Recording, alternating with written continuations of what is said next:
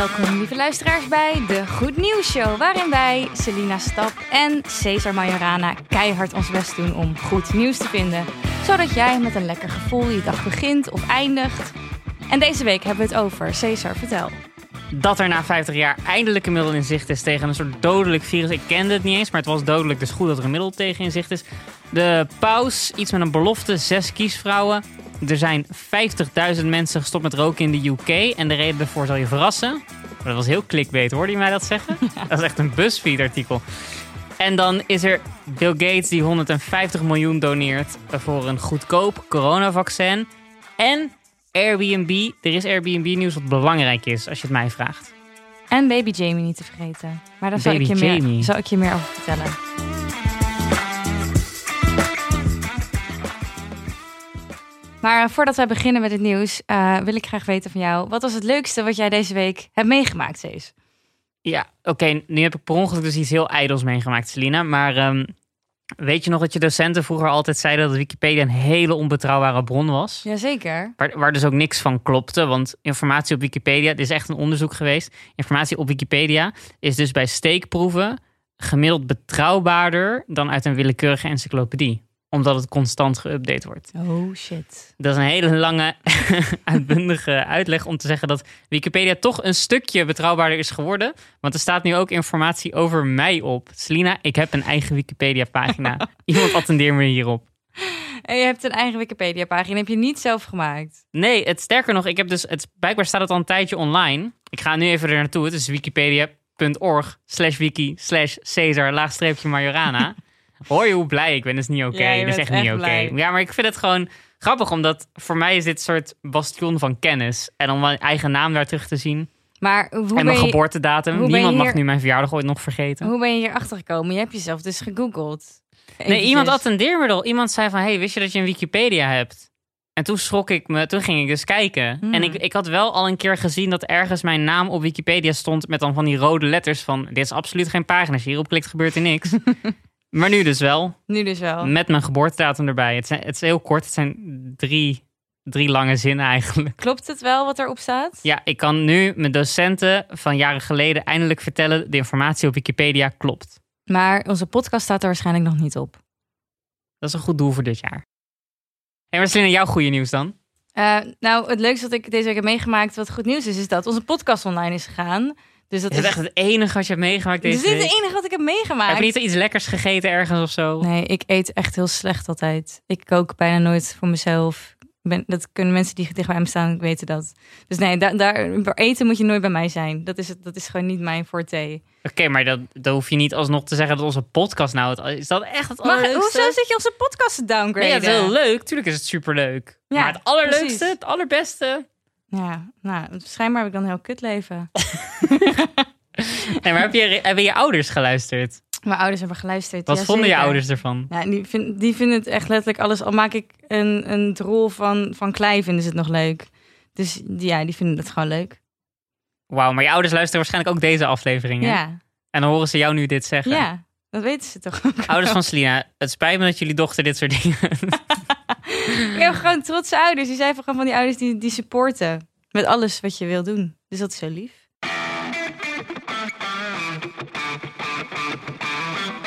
Dan gaan we over naar de korte nieuwtjes. En dat zijn de nieuwtjes die we kort even gaan bespreken. En die ook heel positief zijn.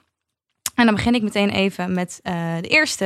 En dat is dat er na 50 jaar een middel in zicht is tegen het dodelijke RS-virus. En hier moet ik toch eventjes iets dieper op ingaan. Want Cesar, weet jij wat het RS-virus is? Dat is een hele vernederende vraag. Want natuurlijk heb ik geen idee. Wat is het RS4? Ik ga het nu even googlen ondertussen, maar leg maar uit. Ik ga het aan je uitleggen, dus je hoeft niks meer te googlen. Maar het RS-virus, het is eigenlijk best wel gek dat ik wist het ook niet voordat ik dit artikel las. Het RS-virus is wereldwijd de tweede doodsoorzaak bij jonge kinderen. Dus Oh, de tweede van alles wereldwijd. Eh, en wat is het? Het is een, eh, eh, een virus die een ernstige infectie van de luchtwegen kan, kan veroorzaken. En, en er is dus nu een middelopkomst. Ze zijn er nu heel ver mee in, in de ontwikkeling daarvan. Die het RS-virus dus ja, zorgt dat je daar niet, niet ziek van wordt. En eh, met één injectie van antistof eh, kan je daarmee dus kinderen genezen.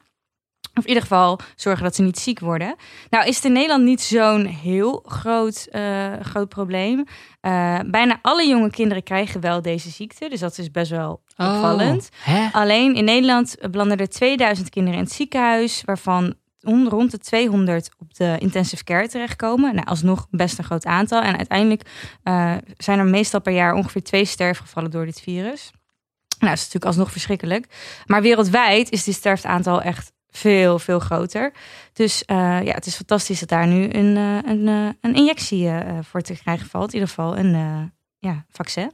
Maar het nieuwsbericht is middel in zicht tegen.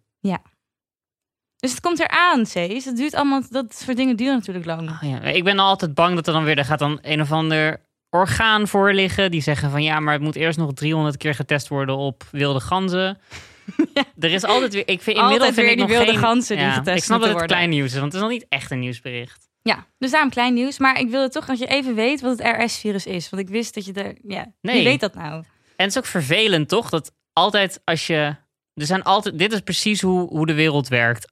Er zijn heel veel erge dingen waarvan we niet weten dat ze bestaan. En dat zijn waarschijnlijk de dingen die je overkomen. Dus op een dag dan krijg je een kind en dan ben je gelukkig. En dan krijgt het kind het RS-virus. En je wist niet eens dat dat de nummer twee doodsoorzaak onder kinderen was. Daarom. Er zijn zoveel van dit soort dingen. Oh, ik word hier terug van. We gaan Niet door. terug, Volgende hè? nieuwtje. Je hebt iets goeds over de paus. Ik heb iets goeds over de paus. De paus houdt zich namelijk aan de belofte en kiest zes vrouwen voor de Raad voor de Economie van het Vaticaan. Nou, dat zal ik ook weer eventjes toelichten. En uiteraard, je begrijpt, mijn feministisch hart gaat hier luid van kloppen. Voor het eerst eh, zijn er vrouwen gekozen voor de Raad voor de Economie in het Vaticaan. Wat En de leden de van- hele dag? Nou, de leden van, dit, van deze raad zijn de belangrijkste raadgevers op financieel gebied en houden toezicht op het geld en onroerend goed van het Vaticaan. En de, ja, ik zal het nog ietsje verder uitleggen. Die raad is eigenlijk een aantal jaar geleden in het leven geroepen, eh, omdat er best wel een aantal corruptieschandalen waren binnen, binnen het Vaticaan. En toen besloten ze van, nou, om dat eh, te ondervangen, om te zorgen dat wij corruptie uitbannen, eh, zetten wij een raad op die daar eigenlijk toezicht op houdt. En daar zijn dus nu voor het eerst zes vrouwen in gekozen. En er zijn er zeven leden, dus zes van de zeven leden zijn, zijn vrouw. Dus dat is eigenlijk het wel een hele goede. Maar ik ben ook heel benieuwd wat deze vrouwen daar gaan meemaken. Je zou toch willen dat ze een real-life soap krijgen? Zes vrouwen in het Vaticaan. Ik denk, ik denk eerlijk gezegd, en dit is heel vaak bij bedrijven... je kan natuurlijk zoveel vrouwen binnenhalen als je wilt. Maar als de hele cultuur van je bedrijf... ofwel je religieuze organisatie mannelijk is of masculien is... dan kan dat altijd nog voor wrijvingen zorgen. En dat kan ook betekenen dat die zes vrouwen na zeg maar een half jaar dan denken van... weet je wat, ik kap ermee. Ik ga gewoon bij de ABN werken. Daar is tenminste wel een... Want ik kan me wel echt voorstellen, als je daar komt te werken in zo'n cultuur waar gewoon al honderden jaren mannen dus de scepter zwaaien. Het wordt pittig voor deze dames. Hoezo? Ze staan wel een mannetje, denk ik hoor. Ze zijn met z'n zessen. Ze zijn niet alleen. Oké, als je in je eentje als vrouw zit in een raad van, van nog zes andere mannen, Dan denk is ik, een wordt HBO pittig. special serie inderdaad. Ja, maar dit zijn zes vrouwen, bam, en één man zit erbij. Nou ja, ja, het is vet. ja, dat is gewoon vet. En goede PR voor deze pauze ook.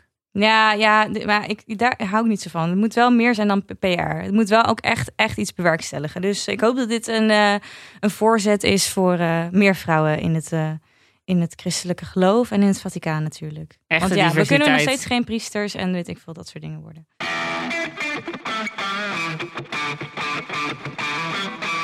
Maar dan had jij iets goed nieuws. Ik hoorde iets met roken. Ja, dit, ik wilde dit nieuws dus ook echt gaan bespreken. Omdat meer dan een miljoen mensen in de UK zijn gestopt met roken sinds het begin van, het corona, van de coronapandemie. Ehm, dat is in ieder geval wat een recent onderzoek stelt. En toen las ik dat. En toen bleek in dat onderzoek dat eigenlijk maar 40% zei dat dat echt kwam omdat ze dus bang waren voor hun gezondheid als gevolg van de coronapandemie. Wat er veel meer gebeurd lijkt te zijn, of wat in ieder geval waarnaar gehind wordt als je online een beetje verder zoekt, is dat heel veel mensen zeggen van ja, maar in de UK, ik las het eigenlijk gewoon via de comments van The Guardian, maar in de UK is het dus zo dat menthol sigaretten, net als hier in Nederland trouwens, verboden zijn sinds kort. En dat valt precies samen met de coronapandemie.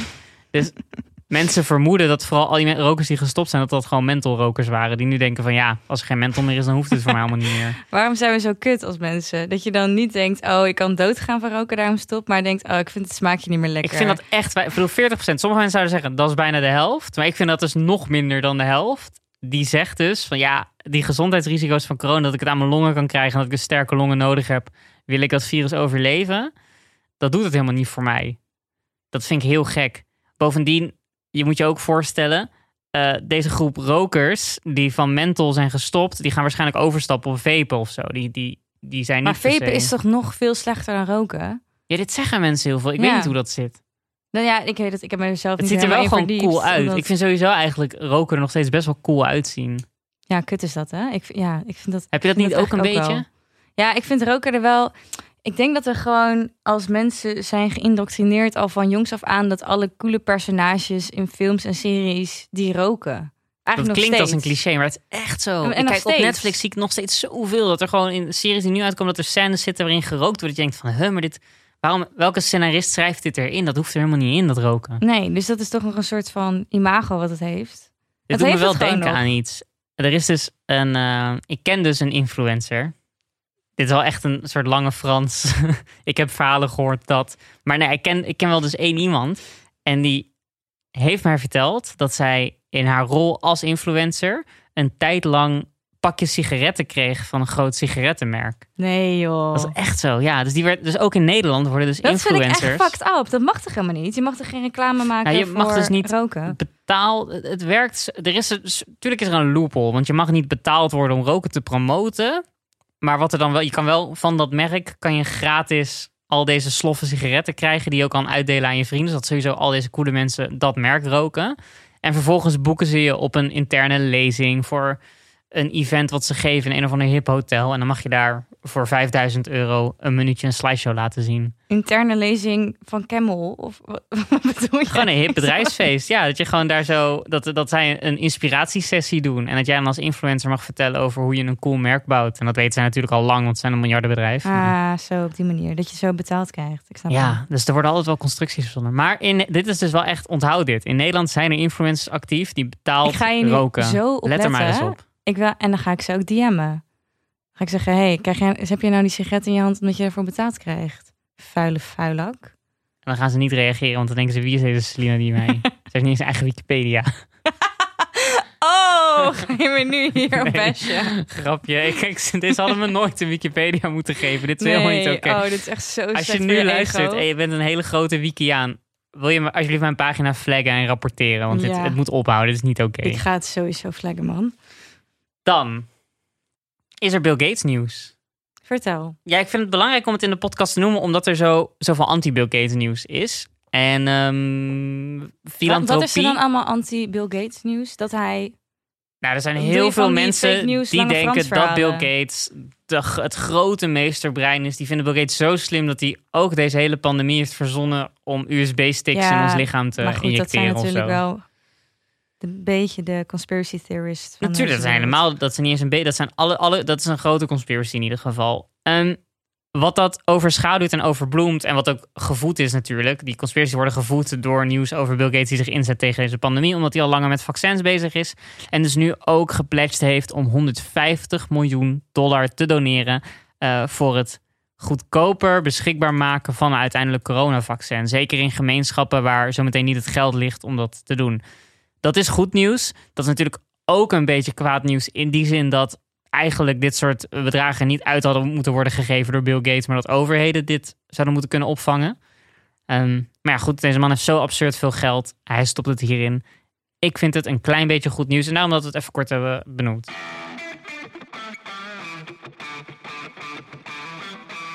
Dan gaan we naar het grote, grote goede nieuws, wat we echt wat even uitgebreider gaan bespreken. Ehm, en dat gaat over baby Jamie. En ik zal even vertellen wat er met baby Jamie is gebeurd aan jou, Cesar. Baby Jamie is één jaar en woont in Rijswijk en is afgelopen week in Hongarije met succes behandeld voor de dodelijke spierziekte spinale musculaire atrofie, ook wel bekend als SMA. Nou, dat klinkt op zich eh, niet als iets heel bijzonders. Maar die behandeling die kostte 2,1 miljoen euro. Wacht even, hoeveel? 2,1 miljoen euro om eh, te krijgen. Want die behandeling wordt uitgevoerd op Mars. Want je vliegt met een soort klein raketje naar Mars. En nee, nee ik zal vertellen. Dit is de duurste behandeling ter wereld ooit voor een ziekte. Hoe komt dat? Spi ik ga nog één keer vertellen hoe de ziekte heet. Spinale musculaire atrofie is een ziekte waarvan de meeste kinderen uh, eigenlijk niet ouder worden dan twee jaar. Want wat doet het? Het zorgt eigenlijk dat je spieren um, ja, langzaam afsterven als het ware. En er mist een stukje DNA dat nodig is om die spieren aan te sturen. Dus die kinderen die eigenlijk dat hebben, die worden bijna nooit ouder dan twee jaar. Oh, want je wordt gewoon instant kreupel eigenlijk. Nou ja, je, ja, je overlijdt gewoon. Dat is gewoon wat het is. Je spieren vallen gewoon uit. Daar is dus nu een medicijn voor om die kinderen tussen 0 en 2 jaar daar gewoon eenmalig volledig van te genezen. Dus dat is natuurlijk wel echt fantastisch dat dat er nu is. Dus uh, er zijn dan wel medicijnen waardoor ze hun leven iets werd verlengd. Maar nu, door dit medicijn, wordt hun hele leven. zijn ze genezen van deze, van deze ziekte.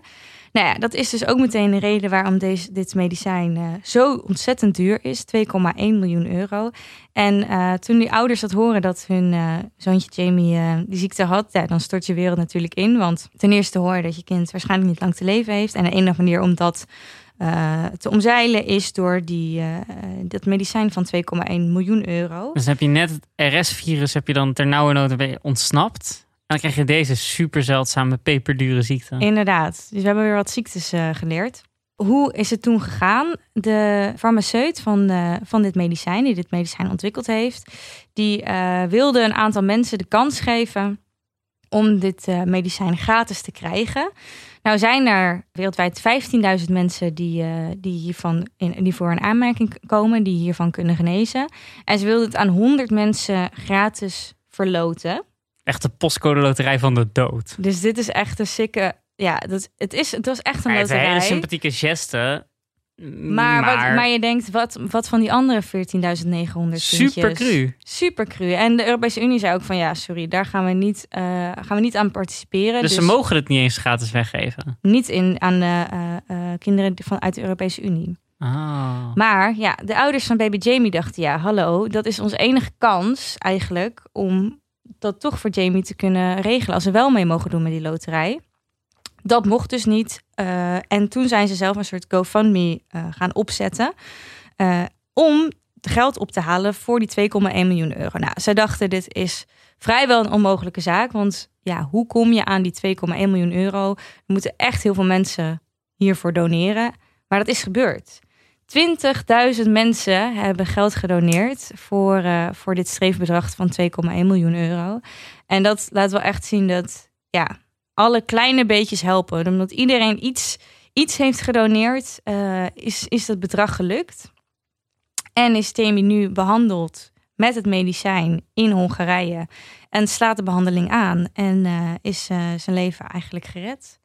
Dus um, eigenlijk kost een leven 2,1 miljoen. Dat heeft deze farmaceut besloten. 2,1 miljoen, dan mag je leven. Dat anders is, dood. Dat is natuurlijk. Uh, dit is het positieve verhaal. Jamie is gered. Hoezee, slingers in de lucht. Maar het gekke is natuurlijk nog steeds dat die farmaceut besloten heeft om hier 2,1 miljoen euro voor te vragen voor dit medicijn. En ik ben even daar dieper in gaan duiken om nou, uit te zoeken van hoe komen zij nou op dit bedrag? En vinden ze dat zelf eigenlijk wel uh, moreel acceptabel? Dat vinden ze. Ze vinden het zeker moreel acceptabel.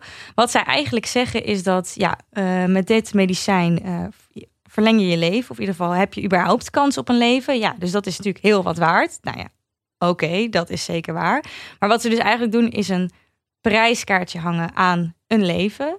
Um, en wat zij zeggen is, ja, dit medicijn is uniek omdat je niet um, in je verder rest van je leven medicijnen hoeft te slikken uh, of nog onder behandeling hoeft te ondergaan. Alleen door dit ene, deze ene injectie kan je worden genezen. En daarom is het ook zo duur. En we hebben heel veel geld gestoken in de ontwikkeling van dit medicijn. Zo komen zij zelf op dit bedrag.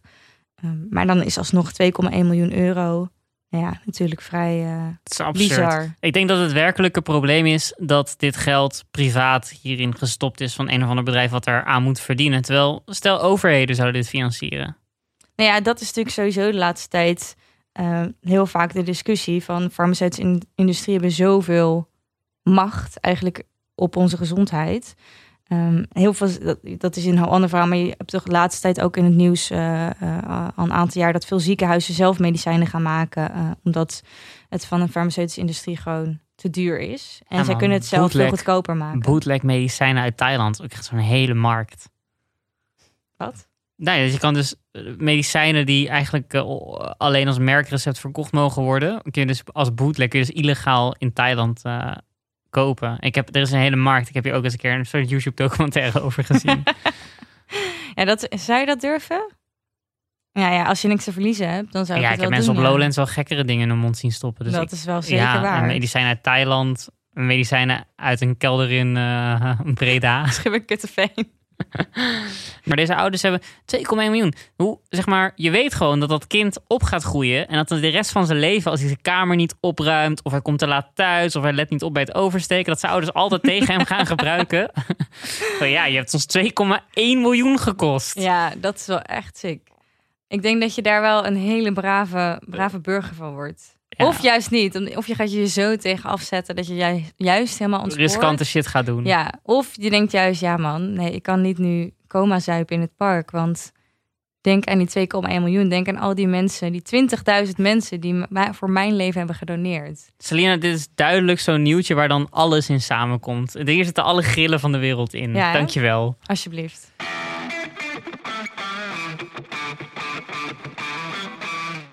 Maar Cees, jij hebt ook goed nieuws. En je zei het al even in het, in het introotje.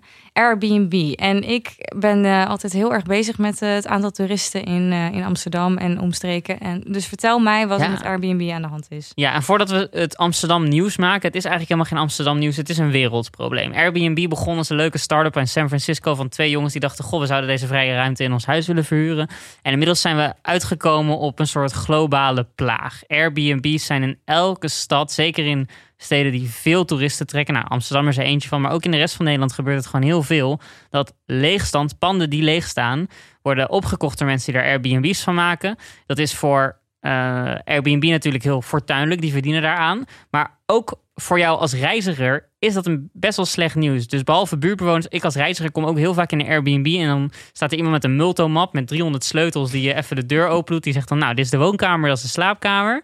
En dat was het. En vroeger was het dat romantische ding van je boekt een Airbnb in Turijn, je krijgt tips van een local. Ja, dus hij je biedt komt jou zijn extra in een huisje slaapkamer wat aan. zo van iemand is. Dat is al lang niet meer. Inmiddels is Airbnb gewoon een heel verkapt, gek systeem geworden om eh, leegstaande ruimtes in plaats van te verhuren aan mensen die gewoon een dak boven hun hoofd nodig hebben, te verhuren aan toeristen voor de hoofdprijs. Kijk, sinds 1 juli is het verhuren van je huis in Amsterdam als vakantiewoning definitief verboden in drie wijken in het centrum van Amsterdam.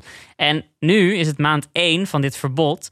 En heeft de gemeente al drie voorwaardelijke boetes van 50.000 euro opgelegd aan mensen die dus die woning alsnog op vuurplatforms zoals Airbnb, maar vooral dus Airbnb, hebben aangeboden. En wat vet is aan die boete is één, hij is voorwaardelijk. Dus je kan niet meteen zeggen van, eh, maar wat vervelend. Als mensen zijn huiseigenaar, ze moeten doen met het huis wat ze willen. Nee, dat mogen ze niet. Of je gaat wonen in een huis, of je zorgt dat er mensen kunnen wonen die het echt nodig hebben. Want er is gewoon heel veel schaarste in woningruimte.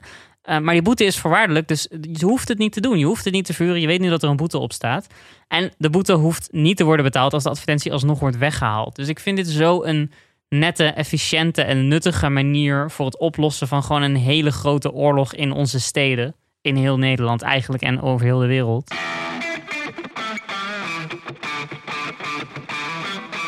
Dan gaan wij naar ons laatste itempje. Want we hebben natuurlijk de hele tijd over hoe andere mensen de wereld een beetje beter maken.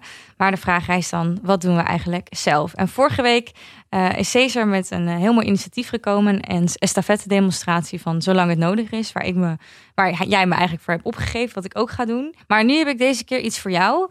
Um, en dat is ook een soort van demonstratie. Maar het is niet iets wat jij fysiek hoeft te doen. Je kan het namelijk makkelijk online doen of via een kaartje. En wat is er aan de hand?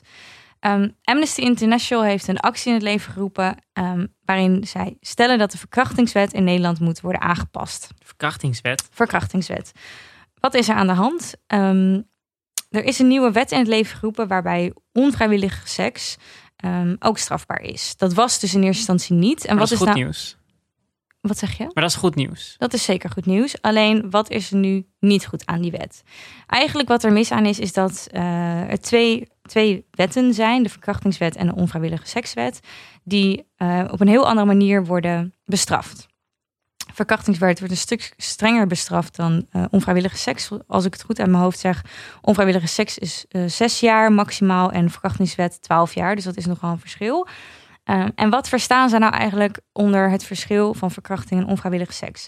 Verkrachting wordt gezien als seks waarbij echt uh, uh, geweld in het spel was of heel actief nee werd gezegd.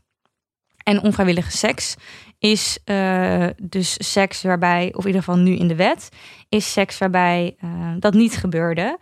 Um, en eigenlijk, wat Amnesty International zegt, is ja, ook al is er geen geweld bij gepast gekomen, maar als iemand niet in, zijn. precies, als iemand geen nee heeft gezegd of niet in staat was om nee te zeggen, dan is het alsnog een verkrachting en geen onvrijwillige seks. Onvrijwillige seks is gewoon hetzelfde als verkrachting, moet ook op die manier bestraft worden en niet anders.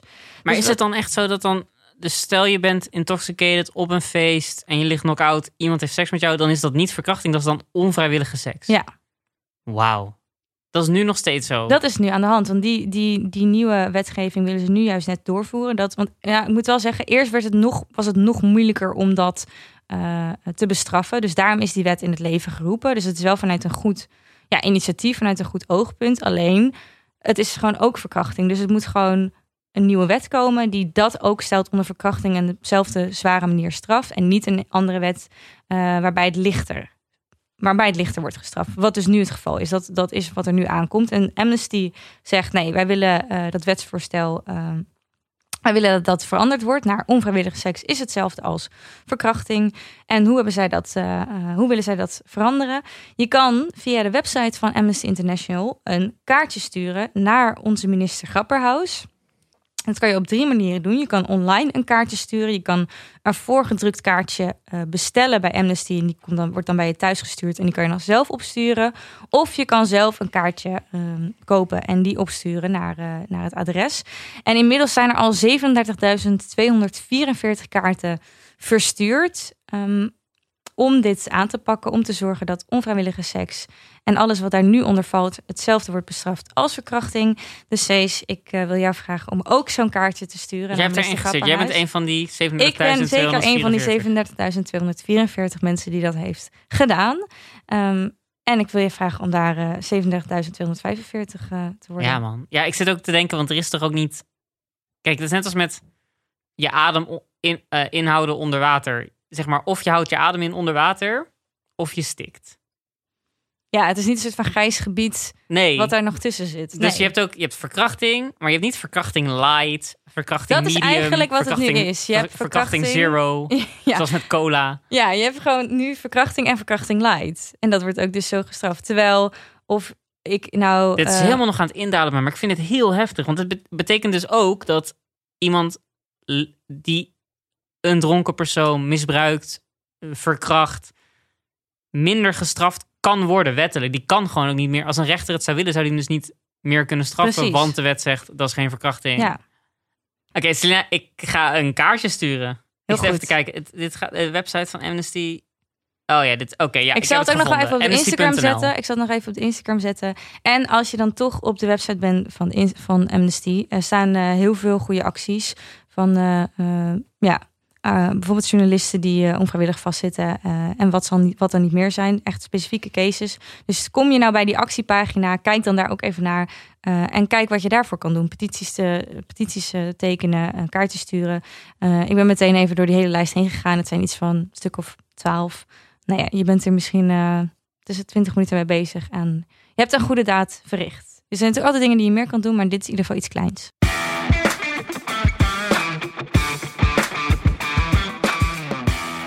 Dan zijn we alweer aan het eind gekomen van onze podcast, onze tweede aflevering. Dankjewel voor het luisteren. Ik vind het echt leuk dat we dit aan het doen zijn. Ja, ik ook. En ik moet dan dus natuurlijk weer even wat huishoudelijke mededelingen doen. Wil je nou ons steunen? Ook pas na aflevering 2, Cesar. Want ik zie je al kijken. We zijn pas bij aflevering 2. Ja, we zijn pas bij aflevering 2. Maar mensen kunnen ons steunen. Dat kan via de Vriend van de Show pagina... waar je meer informatie kan vinden over de podcast... wat we hebben besproken en waarin je kan doneren. Of heb je zelf goed nieuws gevonden en wil je dat met ons delen? Of heb je een item voor, maar wat doe jij dan? Of wil je gewoon een brief sturen, mag ook. Dan kan dat via ons mailadres degoednieuwsshow.gmail.com of sluit in onze DM op Insta, goednieuwsshow. Maar laat ook een lieve recensie voor ons achter. Of een negatieve recensie. Het is natuurlijk jouw leven. Je mag echt doen wat je wil. Maar recenseer ons in iTunes of in je favoriete podcast app. Dat was hem dan echt. Dankjewel voor het luisteren.